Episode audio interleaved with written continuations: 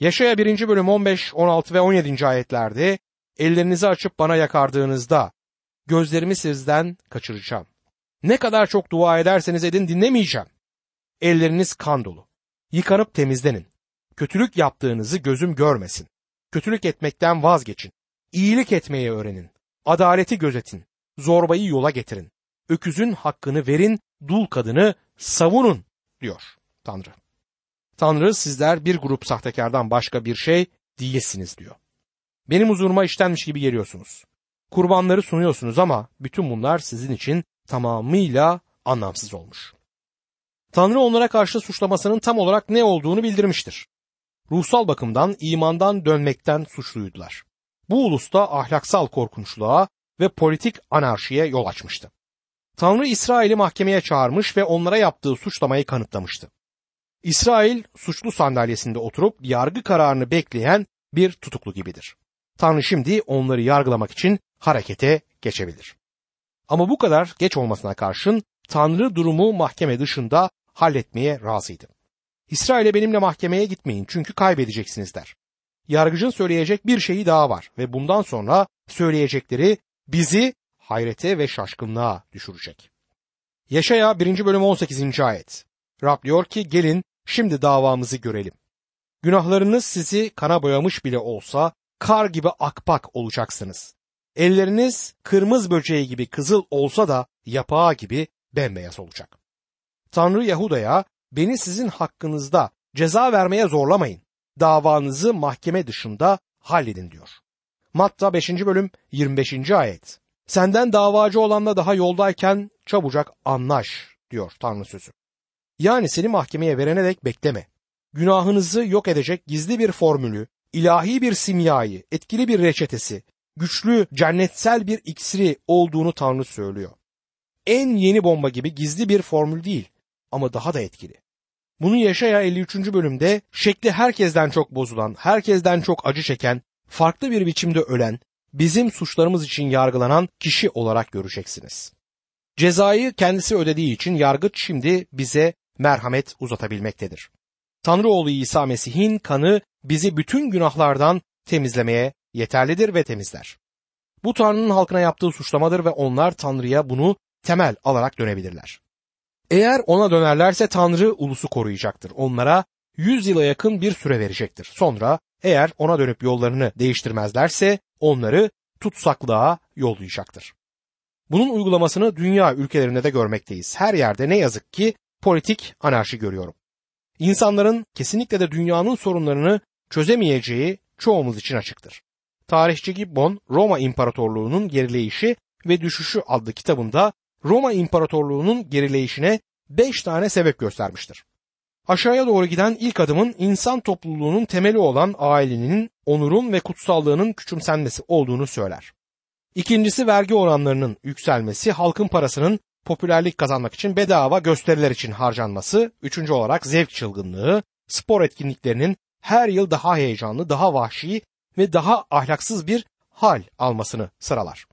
Dördüncü olarak gerçek düşman, bireysel sorumluluğun yok olması olarak içteyken büyük bir silahlanma ve beşinci olarak inancın yok olup sadece biçime indirgenmesini sıralar. Yaşamla ilişkisinin kesilmesi ve insanları yönetme gücünü kaybetmesi sıralanmaktadır. Gördüğünüz gibi bir ulusun gerileyişi inançtan dönüşle başlar. Yani inancını yitirmesiyle başlar ve bunu ahlaksızlık izler. Ve bu da politik bir anarşiye yol açar. Bugün inançtan dönüş var mı? Her bilgili Hristiyan modernizmin günümüz Amerikası ve Batı dünyasındaki büyük mezheplerin çoğunu ele geçirdiğini ve içinde yaşadığımız bu dehşetli günlerde modernizmin kendisinin de itiraf ettiği gibi başarısızlığa uğradığını bilir. Kutsal kitaptan sapmış liberalizmin sözcülerinden olan Reinhold Niebuhr'un liberal protestanizmini bunu yaparak kendisinin entelektüel bakımdan saygın olduğunu kanıtlamaya çalışmalarını Hristiyanların her özelliğini kurban edebileceğini söylediği aktarılır. Ama liberalizm günümüzdeki trajik deneyimlerle başa çıkamamıştır. Dr. Werner Maggie diyor ki, dosyamda birkaç yıl önce bir gazeteden kesilmiş ilginç bir makale buldum.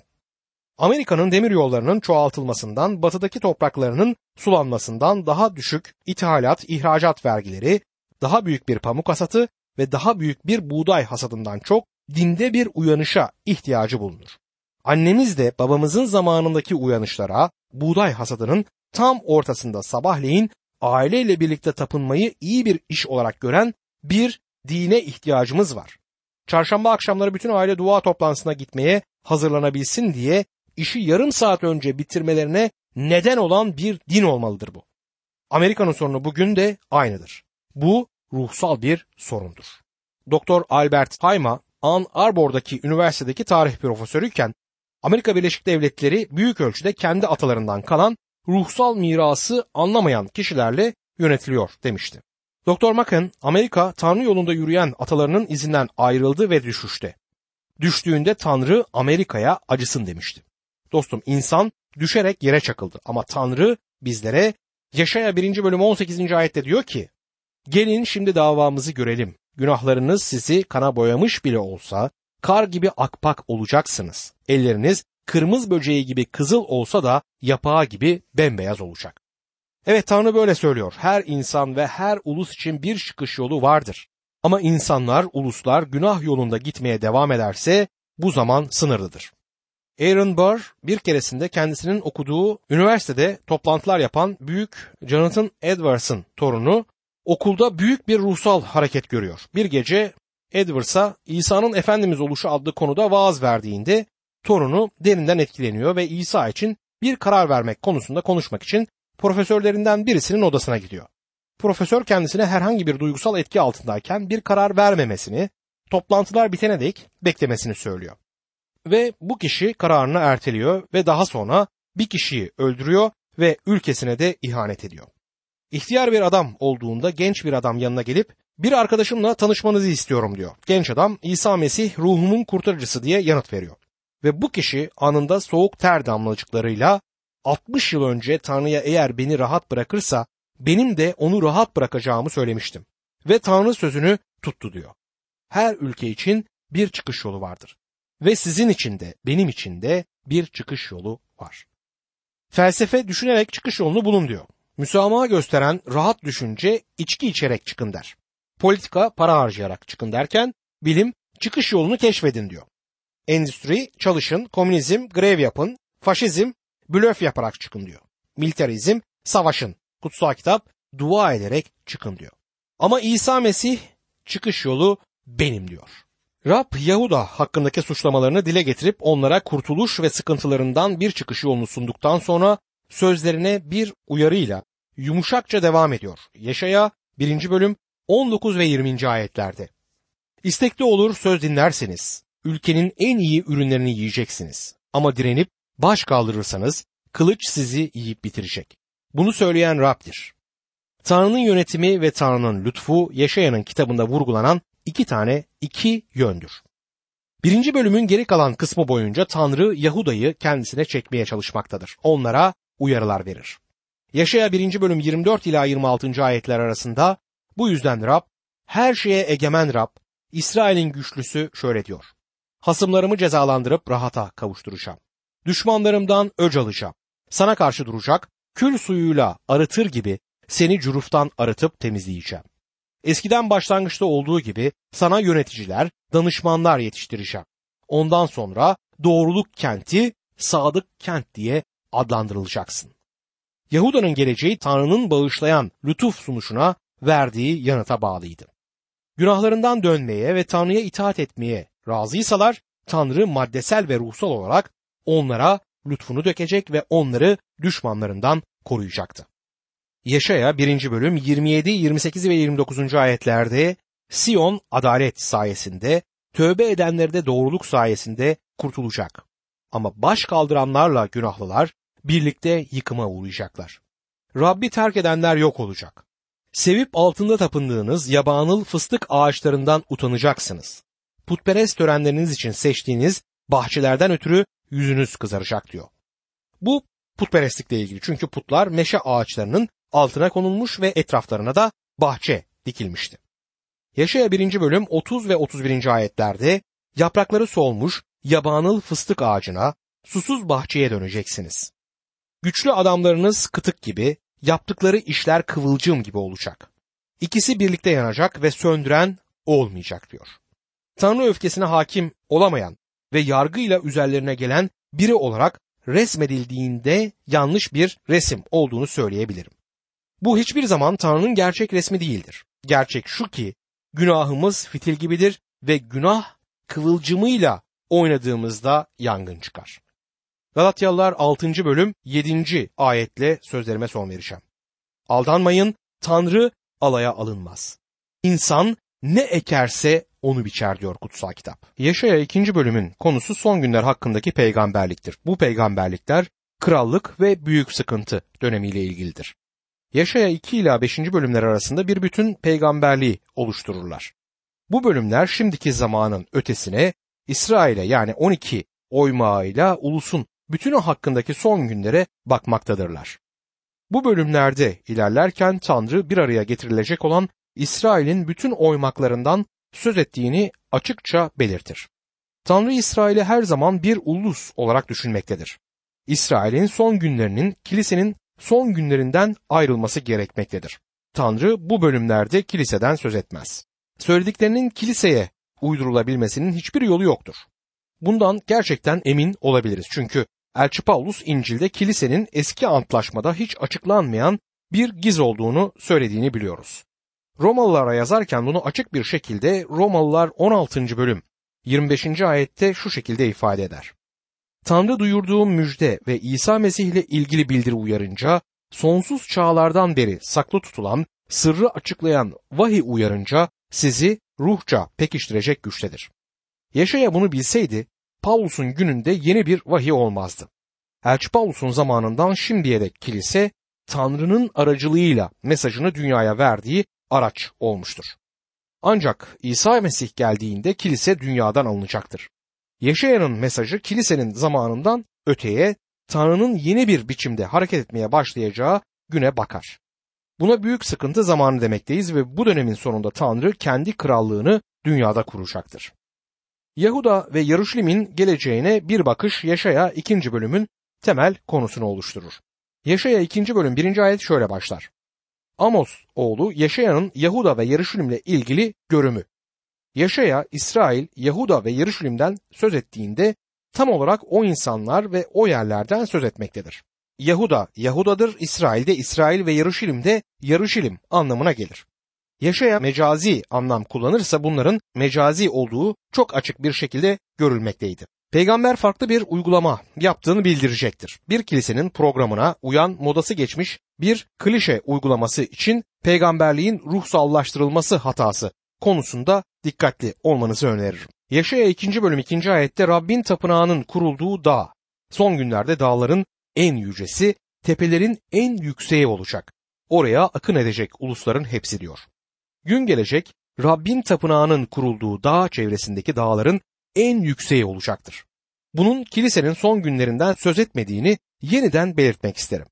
Kilisenin son günlerinde ruhsal bakımdan imandan bir dönüş yaşanacaktır. Elçi Paulus 1. ve 2. Timoteus mektuplarında bunu açık bir şekilde bildirmektedir. 1. Timoteus 4. bölüm 1. ayetti. Ruh açıkça diyor ki son zamanlarda bazıları yalancıların ikiyüzlülüğü nedeniyle aldatıcı ruhlara ve cinlerin öğretilerine kulak vererek imandan dönecek. İkisinin üst üste geldiği durumlar olduğu halde kilisenin sonraki zamanlarıyla İsrail'in sonraki zamanlarının aynı olmadığı görülmektedir. Aynı zaman döneminden söz etmedikleri kesindir. Buna dikkat etmek önemli. Bu ayetteki son zamanlar büyük sıkıntı döneminden söz etmektedir. Elçilerin kendisine Yaruşilim'in yıkımını kastederek bunlar ne zaman olacak diye sorduğunda Rab İsa Mesih son zamanlar derken büyük sıkıntı döneminden söz ettiğini açıklığa kavuşturmuştu. Büyük sıkıntı Mesih'in yeryüzüne gelişi ve krallığını kurmasıyla sona erecektir.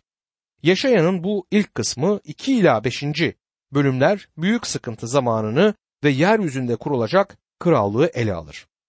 Gün gelecek Rabbin tapınağının kurulduğu dağ çevresindeki dağların en yükseği olacaktır. Bu kilise göğe alındıktan sonraki zamanda İsrail ulusundan söz eder. Kutsal kitapta da bir krallık, bir otorite ya da bir yönetim anlamında kullanılır. Daniel peygamberliğinde bunu açıklığa kavuşturur. Rabbin tapınağı dağların yani dünyanın krallıklarının üzerine kurulacaktır.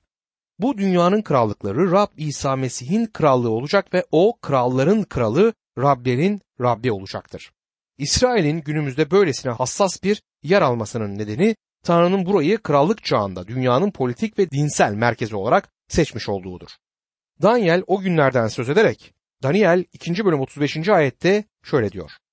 Demir, kil, tunç, gümüş, altın aynı anda parçalandı. Yazın harman yerindeki saman çöpleri gibi oldular. Derken bir rüzgar çıktı. Hiç iz bırakmadan hepsini alıp götürdü. Heykele çarpan taşsa büyük bir dağ oldu. Bütün dünyayı doldurdu. Tanrı'nın krallığı dünyanın krallıklarının üzerinde yükselecektir. Yaşaya 2. bölüm 3. ayette birçok halk gelecek. Haydi Rabbin dağına, Yakup'un tanrısının tapınağına çıkalım diyecekler. O bize kendi yolunu öğretsin.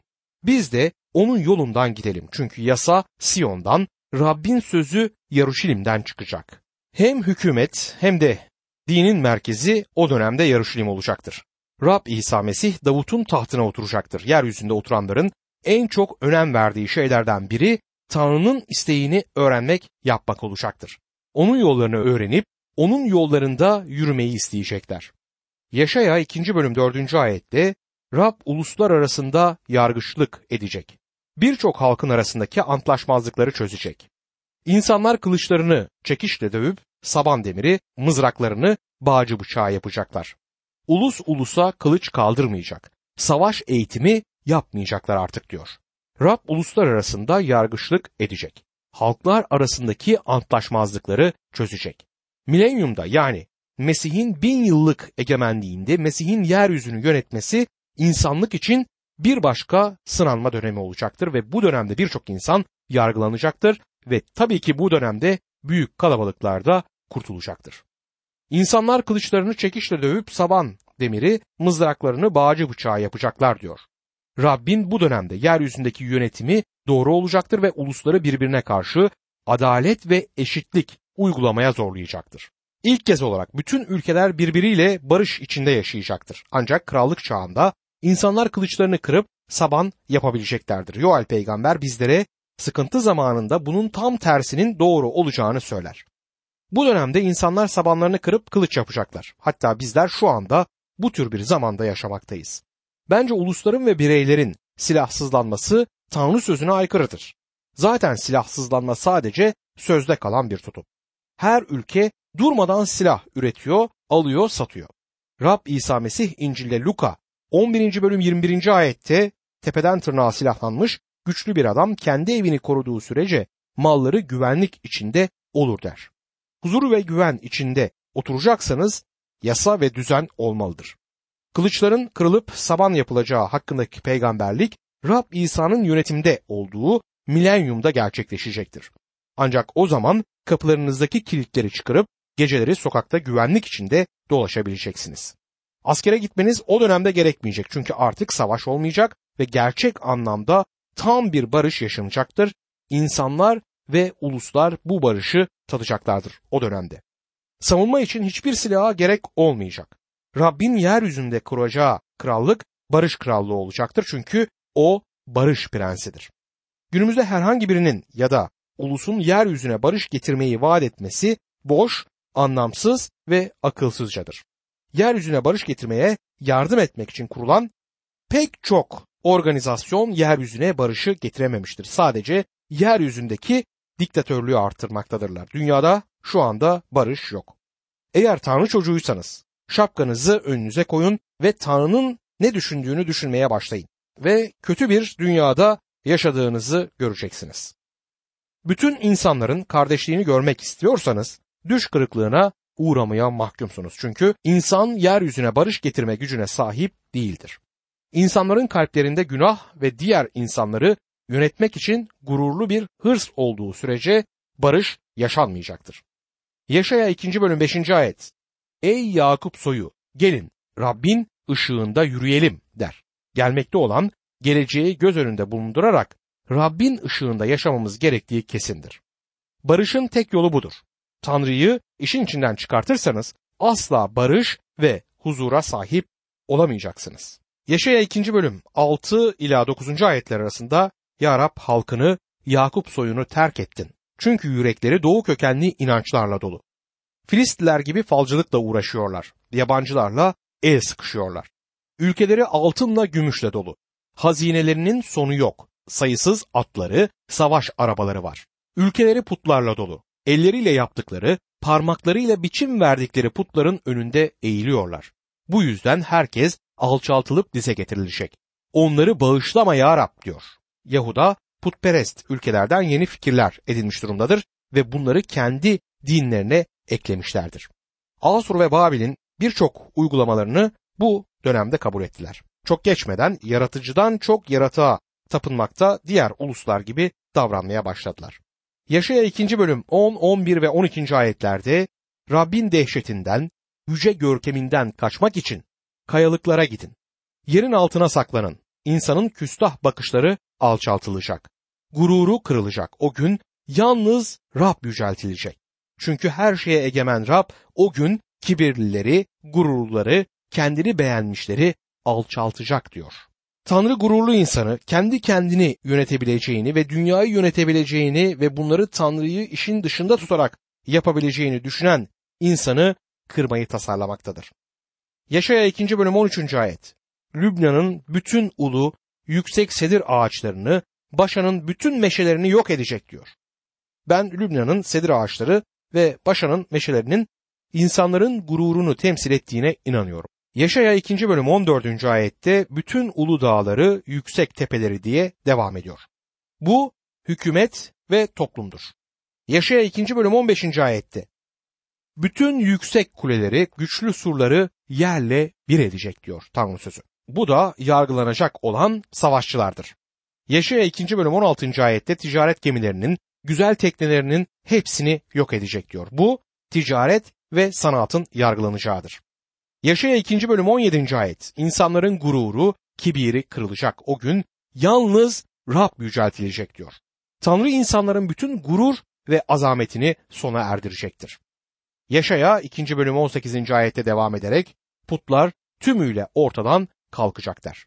Tanrı bütün sahte dinleri yok edecektir. Yaşaya 2. bölüm 19. ayette Rab kalkıp yeryüzünü sarsmaya başlayınca insanlar onun dehşetinden ve yüce görkeminden kaçmak için kayalık mağaralara, yeraltı kovuklarına saklanacaklar diyor.